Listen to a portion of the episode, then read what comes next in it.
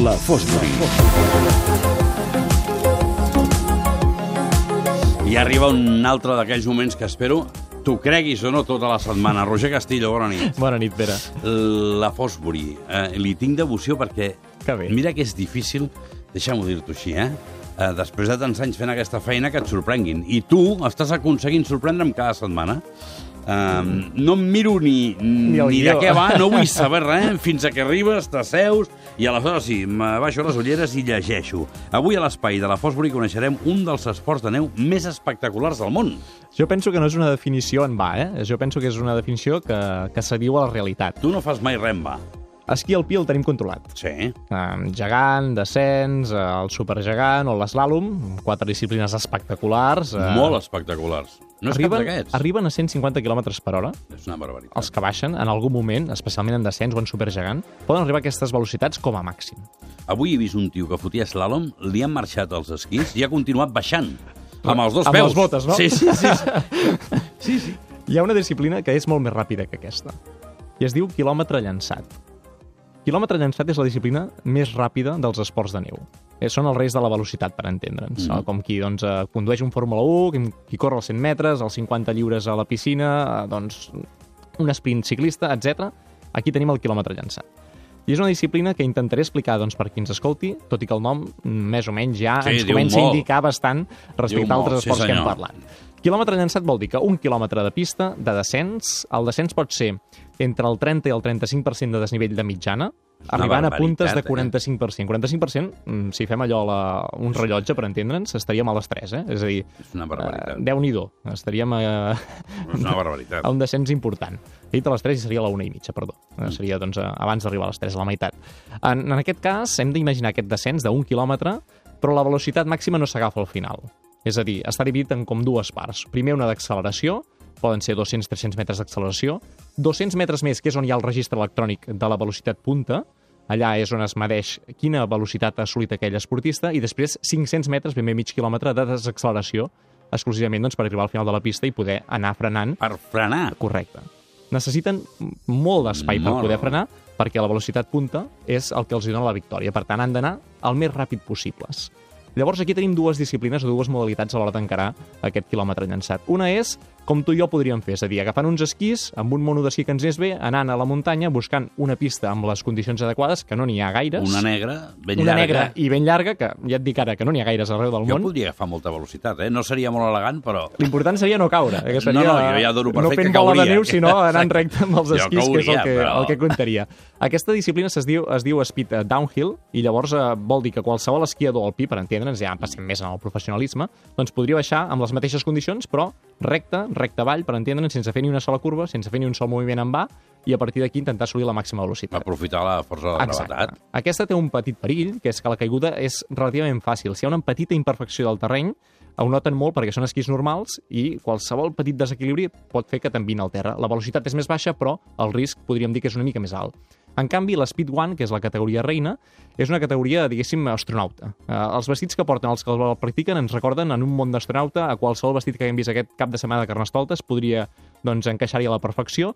I ens hem d'imaginar unes persones amb uns esquís de 2 metres 40 centímetres, que són molt més alts Molt del que és llargs, habitual. eh? A l'antiga. Uns A esquís l'antiga, exacte, uns esquís a l'antiga força amples, de 10 centímetres d'ample. És a dir, tindrien la llargada dels antics i l'amplada dels Carvin d'ara. Exacte, exacte. I llavors eh, les botes, 15 quilos de botes, per tant, un pes important, vestit de làtex dur arrapat al cos, per intentar agafar aerodinàmica i tenir aquesta sensació doncs, de- d'estar premsat i d'intentar doncs, competir el millor possible. Casc aerodinàmic, tipus els ciclistes quan fan una contrarrellotge d'aquestes clàssiques. Sí, aquells llargs. Exacte. I un aleró que porten a sota els bessons. Un aleró. Una, un petit aleró darrere de les cames, per entendre'ns, a l'alçada dels bessons, que els dona aquesta aerodinàmica absoluta. Amb tot aquest material poden baixar i tenen molta més solidesa. Per tant, la velocitat que agafen és molt més alta, el risc de caure és menor i eh, és on hi ha la, la gràcia d'aquesta disciplina, per entendre'ns, allà on tothom fixa la vista quan el veu per primera vegada perquè al·lucines de Ah, com van molt- vestits, clar, és molt espectacular. que mantinguin una posició, posició fixa des de que comencen fins a que comencen No, la, clar, com la desacceleració menys es belluguin, millor. allò una mica doncs, enclotats per entendre'ns, eh, esquís paral·lels i anar baixant, baixant, baixant fins que arribin a aquesta punta de velocitat. Amb pal.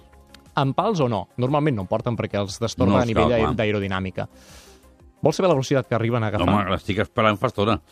Més de 250 km per hora. 250 sense quilòmetres, motor, sense, res. Exacte. Amb només, la carrosseria només amb uns seva. i aquesta carrosseria especial treballada amb túnels de vent i amb tot el que vulguis, però, és molt perillós, 250 és molt perillós. Eh, clar, aquests si cauen, És molt, cauen, molt, molt ah, perillós, frenen però- al cap de dos dies, eh? Doncs tots segueixen fent-ho, els que ho han fet, i no sabem doncs, d'accidents eh, realment greus, com en altres esports, de vegades sí que tenim, sí que tenim coneixement. Deu haver molt espai de sortida. Sí, de fet hi han sortides molt especials eh, doncs, que de vegades comencen a l'inici de la pista i aquest any, per exemple, Gran Valira ha inventat una torre doncs, eh, de sortida, que és una torre, mm, diguéssim, de material doncs, de ferro, diguem-li Mhm. com vulguem, i que surts ja des de dalt per agafar més velocitat i tenir doncs, aquest pendent inicial encara Molt més bèstia per doncs, eh, poder aprofitar millor la pista. És una disciplina que té orígens, encara que no t'ho sembli així de, a primer cop d'ull, 100 anys enrere. És a dir, 100 anys. quan com comencem a pensar en els esquís primerencs, per entendre'ns, ja hi ha gent que volia velocitat. I a les muntanyes rocoses de Califòrnia, als Estats Units, ja hi havia gent doncs, que es començava a llançar pista avall a veure què trobava.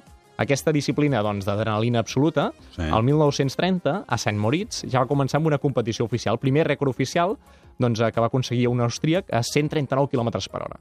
Això amb esquís en què la fixació i la bota, per entendre'ns, anava junt, per tant, si queies... Eh, trencaves eh, tren- collibarres, Trencaves clar. collibarres, exacte. És a dir, era molt perillós en aquell moment. Això va evolucionant. Anys 60, a Itàlia, doncs, aquesta disciplina del quilòmetre lanciato agafa molta, molta força, Monte Servinia. La velocitat arriba ja al mil- a 170 km per hora aproximadament. El 1970 un japonès arriba als 180 i, sobretot, 1978, data clau d'aquest esport.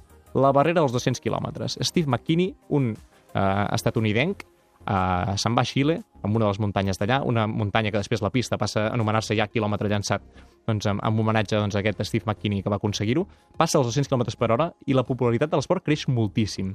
Comença a parlar-ne molta gent d'aquest esport que et permet anar a més de 200 km per hora amb, només amb el teu propi cos i un descens. sí. Per tant, mm, és un esport com a mínim interessant. El 1980 ja es comença a crear un, un campionat del món, un circuit mundial, i el 1992 arriba, podríem dir, a la seva punta de popularitat quan passa a ser esport olímpic d'exhibició, doncs els esports d'hivern que es fan aquell any, els Jocs Olímpics d'hivern.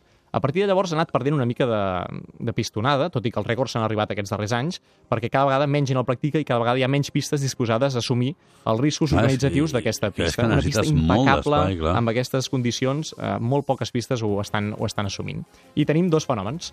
Dos italians, que es diuen Simone Origone i Ivan Origone, són germans, que són els màxims dominadors d'aquesta disciplina. Des de fa, posa-hi 7, 8, 10 anys, un, l'altre, un, l'altre. Es van alternant els triomfs. Simone és el bo, per segurament entendre'ns. perjudica. Però, eh, clar, ha, ha tancat, diguéssim, la disciplina Clar. gairebé en dos germans. Sí que és cert que hi ha un austríac que es diu Schrotzhammer, que els darrers dos anys ja ha guanyat dues copes del món i comença ja a despuntar, i per tant sembla doncs, que, que tot pot començar. Hi haurà més ambient. Exacte, que pugui haver-hi a recuperar-se l'ambient. Una sueca, categoria femenina, Sana Tidstrand, 242 km per hora.